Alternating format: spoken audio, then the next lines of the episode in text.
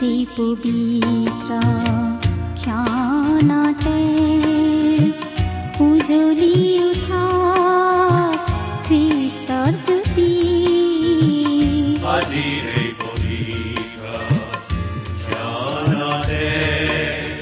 ভক্তিবচন অনুষ্ঠানৰ মজিয়ালৈ আপোনাক স্বাগতম প্ৰিয় শ্ৰোতা ভক্তিবচন অনুষ্ঠানত আপোনাক পুনৰ লগ পাই আমি নথৈ আনন্দিত আশা কৰো এই অনুষ্ঠানত প্ৰচাৰ হোৱা বাক্যসমূহে আপোনাৰ ব্যক্তিগত জীৱনত অলপ হলেও সহায় কৰিছে। ঈশ্বৰ এগৰাকী সৰ্বশক্তিশালী ব্যক্তি। তেওঁ পৃথিৱী আকাশমণ্ডল আৰু সৌৰজগতৰ সকলোকে নিজৰ ইচ্ছাৰে আৰু পৰাক্ৰমেৰে শৃংখলাবদ্ধভাৱে স্থিৰ কৰি থৈছে। তেওঁ প্ৰতিটো বিষয়কে একো একোটা নিয়মৰ অৰ্থাৎ নিজ নিজ সীমাৰ অন্তৰ্ভুক্ত কৰি ৰাখিছে। সেইকাৰণে সকলোবোৰ সুন্দৰকৈ চলি আছে। সেইবোৰৰ এটা বিষয়েও যদি নিজ নিয়মক চেৰাই যাবলৈ ধৰে তেন্তে সকলোবোৰ খেলি মেলি অৰ্থাৎ ধ্বংস হ'ব। আমাৰ জীৱনবোৰো তেনেকুৱা। আপোনাৰ মোৰ জীৱনটোকো ঈশ্বৰে বৰ সুন্দৰকৈ শৃংখলাবদ্ধভাৱে মংগলৰ আঁচনিৰে সজাই ৰাখিছে। ঈশ্বৰৰ পৰাক্ৰমী সুৰক্ষাৰ তলত আপোনাৰ জীৱন সদায় সুৰক্ষিত। তেওঁত আশ্ৰয় ললে।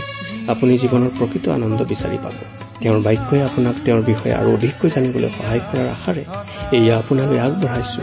ভক্তি বচন জীৱন পথত নিসংগতাই হতাশানে তুমি যিছু প্ৰেৰণাৰ সাগৰ তুমি আপোন জীৱন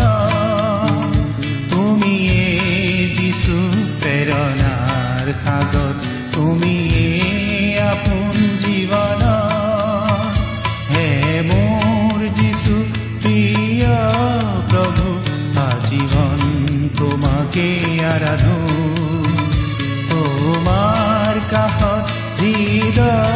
সদায় মধুৰতাৰে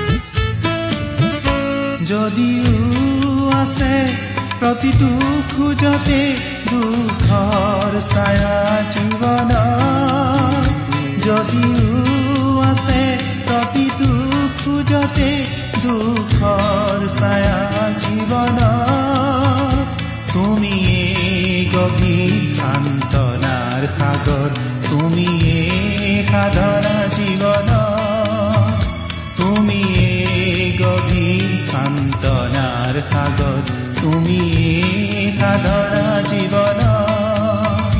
হে মোৰ যিছু প্ৰিয় প্ৰভু আমাৰ পৰম পবিত্ৰ প্ৰভু যীশুখ্ৰীষ্টৰ নামত নমস্কাৰ প্ৰিয় শ্ৰোতা। আশা কৰো মহান পিতা পৰমেশ্বৰৰ মহান অনুগ্ৰহত আপুনি ভালে কুশলে আছে। লগতে এই বুলিও আশা কৰিছো যে আপুনি আমাৰ এই ভক্তিবচন অনুষ্ঠানটো নিয়মিতভাৱে শুনি আছে। প্ৰিয় শ্ৰোতা এই অনুষ্ঠান শুনি আপুনি কেনে পাইছে আমালৈ চিঠি লিখি জনাবচোন। আপোনালোকৰ পৰা চিঠি পত্ৰ পাবলৈ আমি আগ্ৰহেৰে বাট চাওঁ।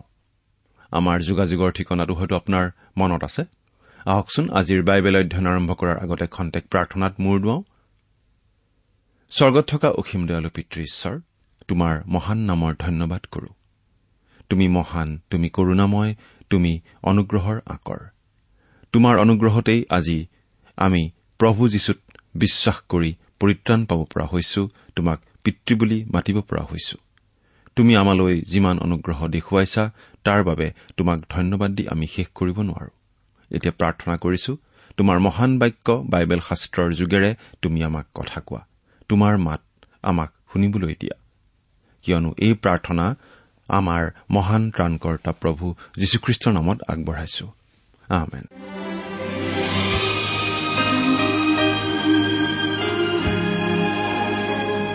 প্ৰিয় শ্ৰোতা আপুনি বাৰু আমাৰ আগৰ অনুষ্ঠানটো শুনিছিল নে আপুনি যদি আমাৰ এই ভক্তিপচন অনুষ্ঠানটো নিয়মিতভাৱে শুনি আছে তেনেহলে এই কথা আপুনি নিশ্চয় জানে যে আমি আজি ভালেমান দিন ধৰি বাইবেলৰ পুৰণি নিয়ম খণ্ডৰ জিৰিমিয়া ভাৱবাদীৰ পুস্তকখন অধ্যয়ন কৰি আছো।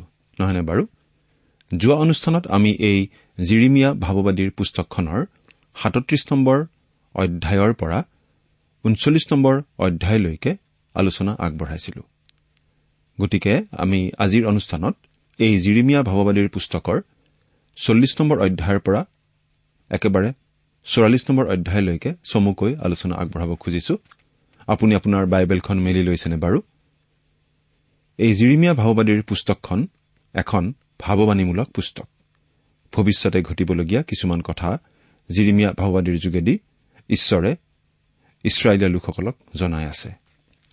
আমি চল্লিছ একচল্লিছ আৰু বিৰাল্লিছ নম্বৰ অধ্যায়ত পাওঁ জিৰিমিয়া ভাৱবাদী মুক্ত হোৱা গদলিয়াক বধ কৰা আৰু জহাননে মিছৰলৈ পলায়ন কৰিবলৈ ওলোৱাৰ পূৰ্বে জিৰিমিয়াৰ পৰামৰ্শ লোৱাৰ বিষয়ে। আমি চল্লিছ নম্বৰ অধ্যায়টো চাওঁ হওক পাঠ কৰি দিছো শুনিবচোন। বাবিললৈ বন্দী কৰি লৈ যোৱা জিৰচালেমৰ আৰু জিহুদাৰ লোকবিলাকৰ মাজত জিৰিমিয়াক নবুজৰদান ৰক্ষক সেনাপতিয়ে শিকলিৰে বন্ধা পাই তেওঁক ৰামাৰ পৰা পঠাই দিয়াৰ পাছত জিহুৱাৰ পৰা যি বাক্য আহিছিল সেই বাক্য। ৰক্ষক সেনাপতিয়ে জিৰিমিয়াক গ্ৰহণ কৰি কলে তোমাৰ ঈশ্বৰ জিহুৱাই এই ঠাইৰ বিষয়ে এই অমংগলৰ কথা কৈছিল আৰু জিহুৱাই তাক ঘটালে আৰু নিজ বাক্য অনুসাৰে কাৰ্য কৰিলে। তোমালোকে জিহুৱাৰ অহিতে পাপ কৰিলা আৰু তেওঁৰ বাক্য পালন নকৰিলা। এই নিমিত্তে তোমালোকলৈ এই ঘটনা ঘটিল।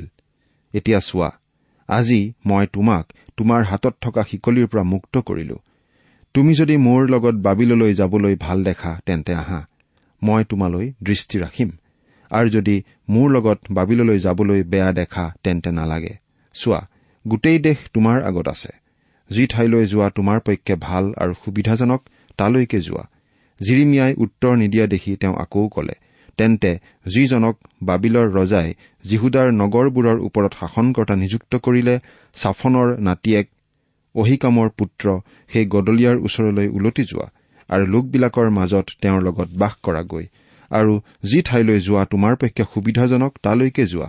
এইবুলি ৰক্ষক সেনাপতিয়ে তেওঁৰ বাটৰ সমল আৰু উপহাৰ দি বিদায় দিলে।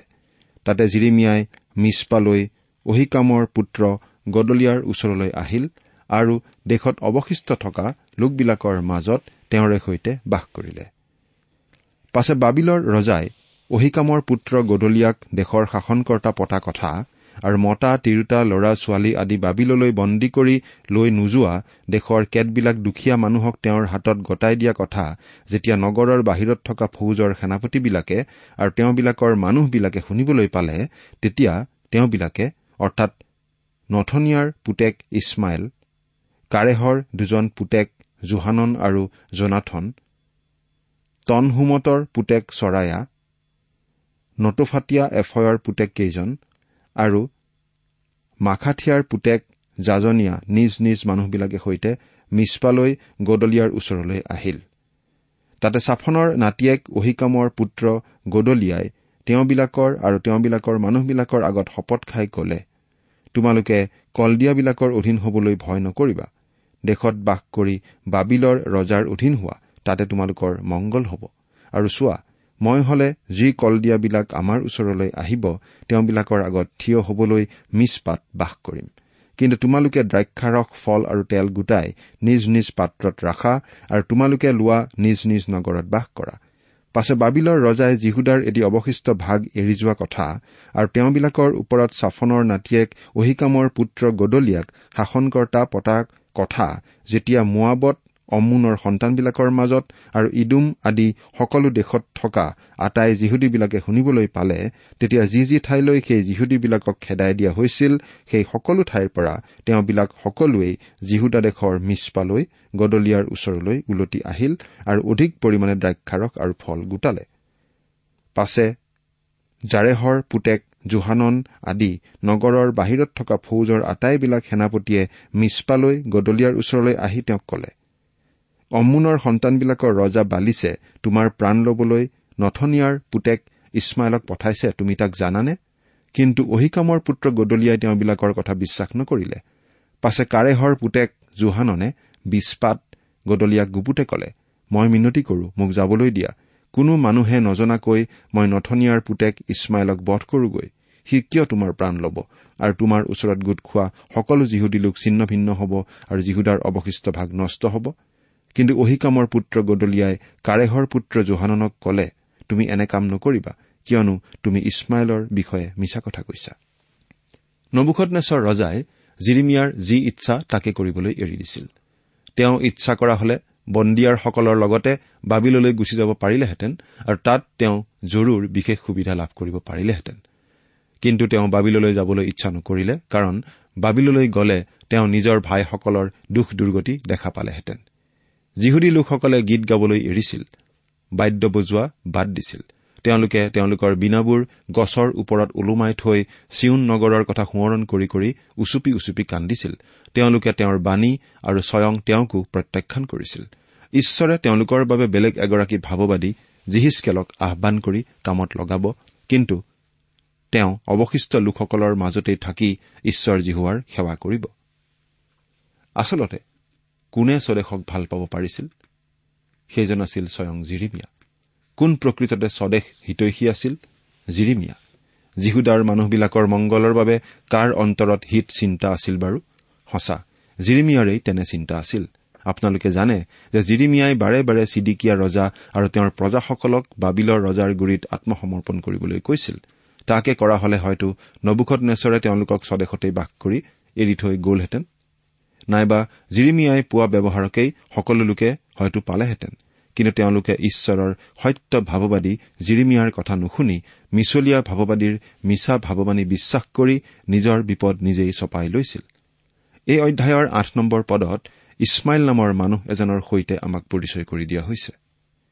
নবুখত নেচৰে যীহুদাৰ বাবে শাসনকৰ্তা পাতি থৈ যোৱা গদলিয়াক বধ কৰিবলৈ এওঁ ষড়যন্ত্ৰ কৰে আৰু একচল্লিছ নম্বৰ অধ্যায়ত আমি পাওঁ যে ষড়যন্ত্ৰৰ দৰে তেওঁ গদলিয়াক বধ কৰিছিল। অকল গদলিয়াক বুলিয়েই নহয় কিন্তু তেওঁৰ লগত থকা কল দিয়া আৰু কিছুমান যিহুদী লোককো এওঁ তেওঁৰ সহযোগীসকলৰ লগ লাগি বধ কৰিছিল আৰু মিছপাৰ সকলো যিহুদী লোকক বন্দীয়াৰূপে লৈ ইছমাইলে স্বজাতীয় অম্মুনীয়াসকলৰ বাসভূমিলৈ বুলি যাত্ৰা কৰোতে তেওঁলোক জহাননৰ মুখামুখি হ'বলগীয়া হৈছিল।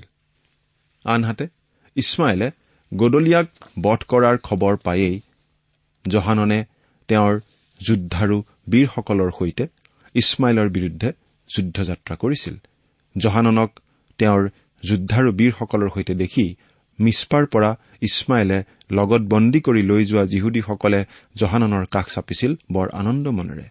ইফালে জহাননক তেওঁৰ সেনাসকলৰ লগত অগ্ৰসৰ হোৱা দেখি ইছমাইলে তেওঁৰ সহযোগী কেইজনৰ সৈতে প্ৰাণ তাকি পলাই গৈ স্বজাতীয়ৰ দেশ অম্মোন পাইছিলগৈ।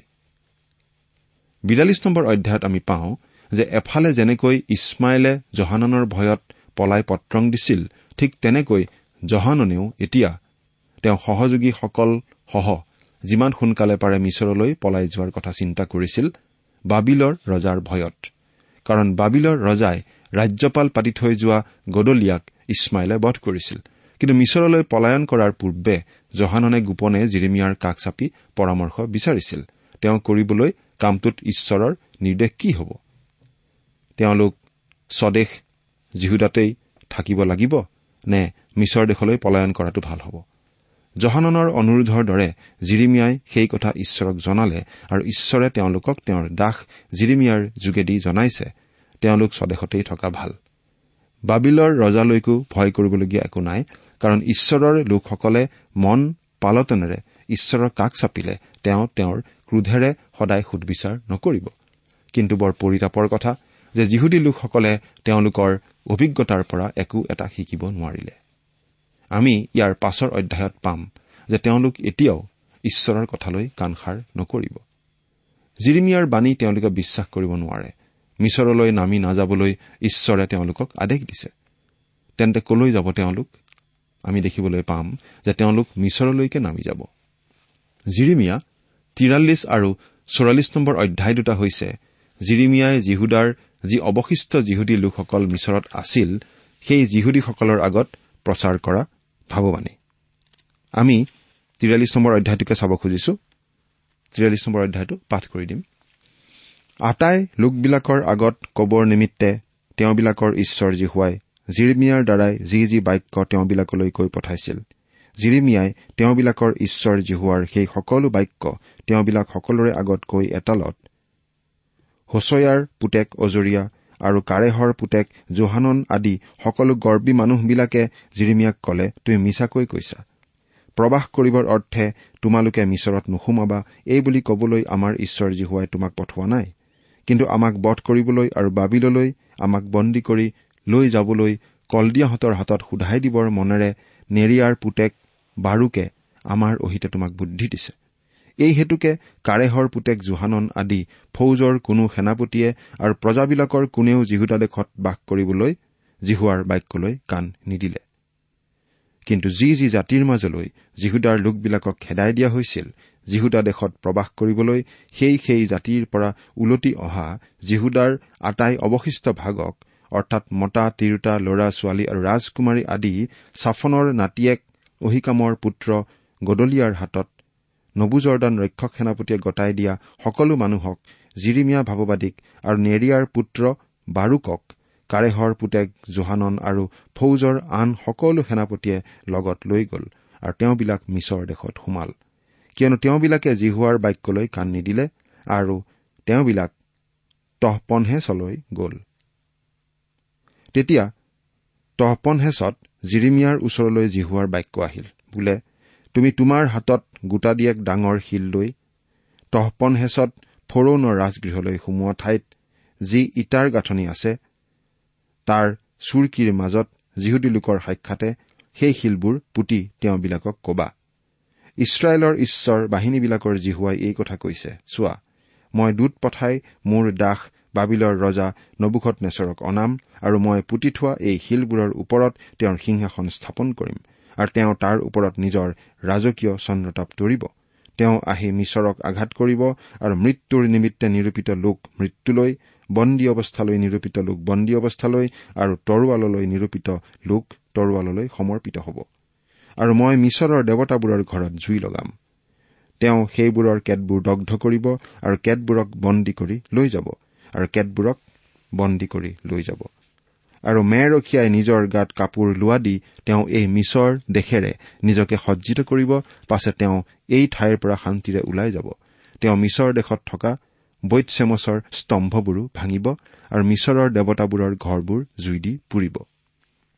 জহানন আৰু তেওঁৰ সংগীবিলাকে জিৰিমিয়াৰ পৰামৰ্শ বিচাৰিলে হয় কিন্তু যেতিয়া তেওঁ ঈশ্বৰৰ পৰা কথা পাই তেওঁলোকক মিছৰলৈ নামি যাবলৈ মানা কৰিলে তেতিয়া সেই কথা তেওঁলোকে বিশ্বাস কৰিব নোৱাৰিলে।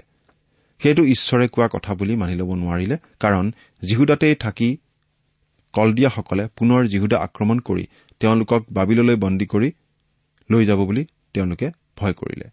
গতিকে মিছৰলৈ নামি যোৱাকেই উচিত দেখিলে আৰু মিছৰলৈ নামি যাওঁতে আন সকলো যিহুদী লোকসকলৰ সৈতে জিৰিমিয়াকো তেওঁৰ ইচ্ছাৰ বিৰুদ্ধে জোৰকৈ তেওঁলোকৰ লগত মিছৰলৈ লৈ গ'ল।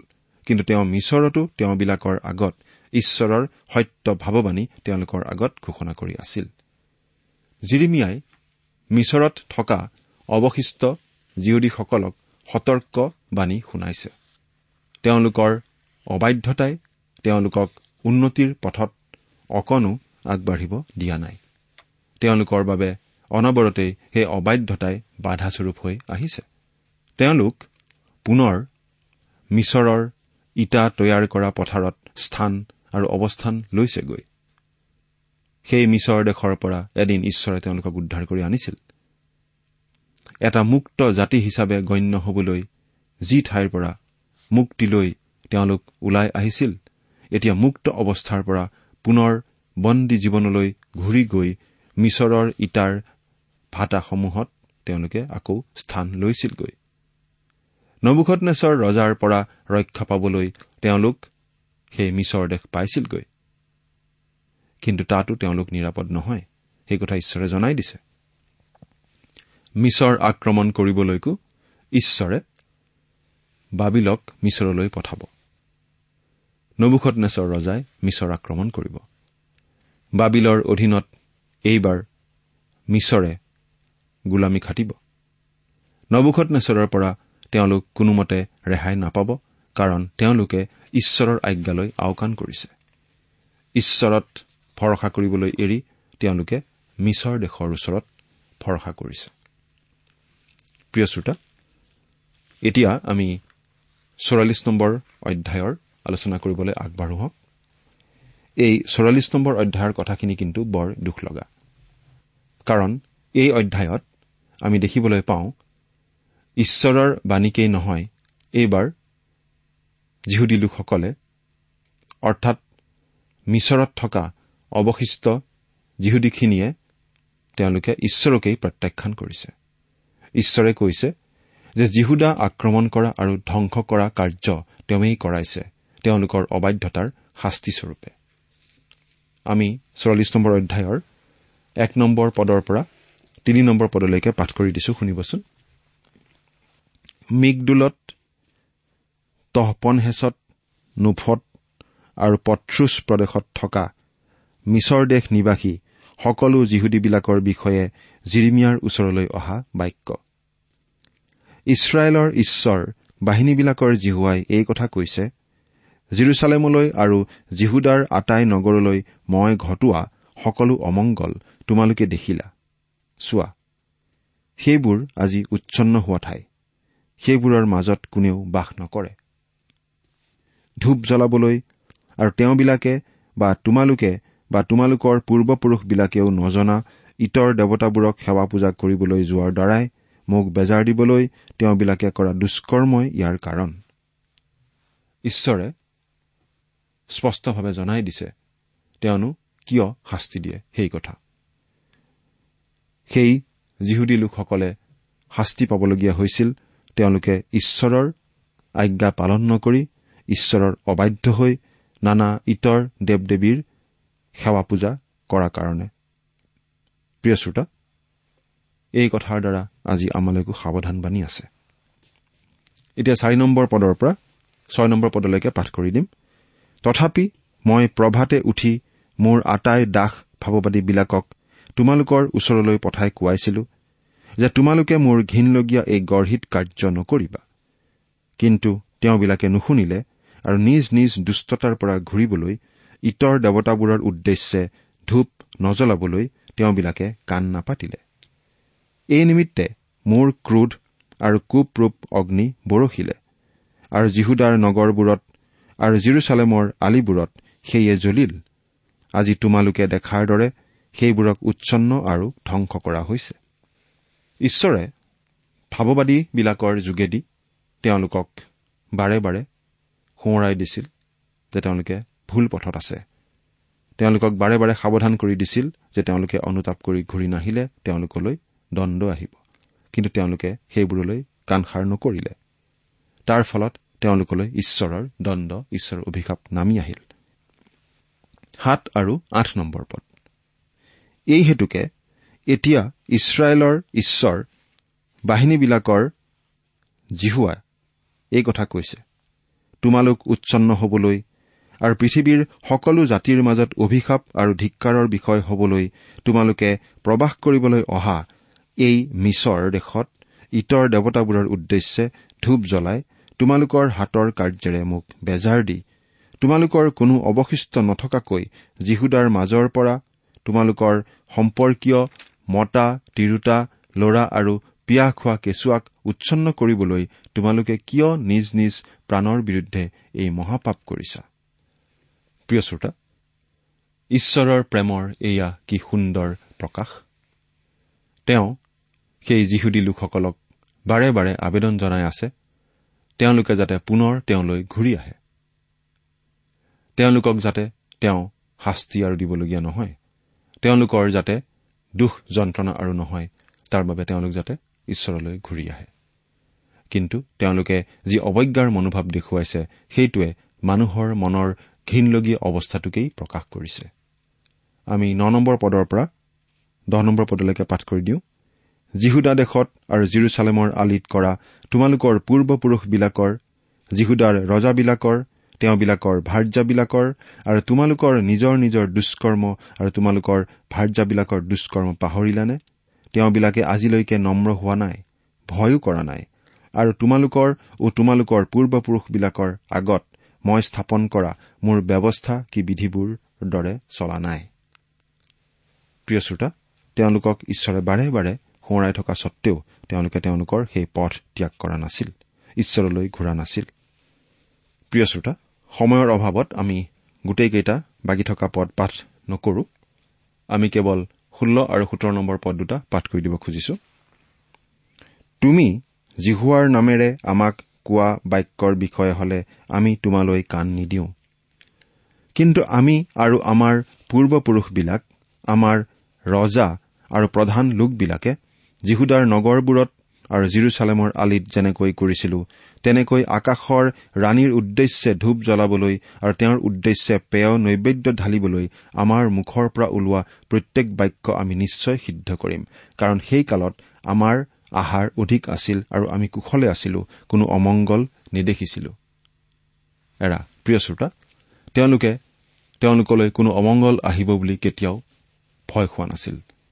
তেওঁলোক সদায় শান্তিত থাকিব বুলি ভাবিছিল। তেওঁলোকে ঈশ্বৰৰ বাক্যলৈ কাণ সাৰ কৰা নাছিল। তেওঁলোকৰ বাবে ঈশ্বৰৰ পৰা দণ্ড নামি অহাৰ গত্যন্তৰ নাই। প্ৰিয় শ্ৰোতা আমাৰ অৱস্থা বাৰু কি? আমি ঈশ্বৰৰ বাক্যলৈ সঁহাৰি দি তেওঁৰ বাধ্য হৈ চলিছোনে? ঈশ্বৰে বাৰে বাৰে সোঁৱৰাই দিয়া কথা আমি বাৰু আমাৰ অন্তৰত ৰাখি সেইমতে চলিবলৈ শিকিছোনে? চিন্তা কৰি চাওঁচোন।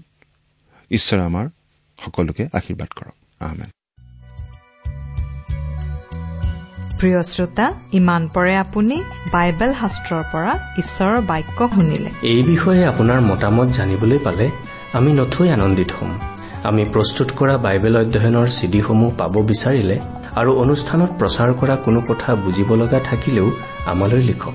আমাৰ যোগাযোগৰ ঠিকনা ভক্তিবচন ট্ৰান্সৱৰ্ল্ড ৰেডিঅ' ইণ্ডিয়া ডাক বাকচ নম্বৰ সাত শূন্য গুৱাহাটী সাত আঠ এক শূন্য শূন্য এক। ঠিকনাটো আকৌ এবাৰ কৈছো ভক্তিবচন ট্ৰান্সৱৰ্ল্ড ৰেডিঅ' ইণ্ডিয়া ডাক বাকচ নম্বৰ সাত শূন্য গুৱাহাটী সাত আঠ এক শূন্য শূন্য এক। আমাৰ ইমেইল এড্ৰেছটো হৈছে Assamese T TV at the rate radio' eight eight two dot com. আমাৰ website W W W dot T W R dot in. আপুনি টেলিফোনৰ মাধ্যমেৰেও আমাক যোগাযোগ কৰিব পাৰে। আমাৰ টেলিফোন নম্বৰটো হৈছে nine eight five four zero' four zero' eight eight nine. Phone নম্বৰটো আকৌ এবাৰ কৈছো ন আঠ পাঁচ চাৰি শূন্য চাৰি শূন্য আঠ আঠ ন। আপুনি এই ভক্তিবচন অনুষ্ঠানটি আমাৰ website W W W dot radio' eight eight two dot কমতো শুনিব পাৰিব। আজিৰ অনুষ্ঠানটি ইমানতেই সামৰিছো। ঈশ্বৰৰ শান্তি আৰু অনুগ্ৰহ আপোনাৰ লগত থাকক। ধন্যবাদ।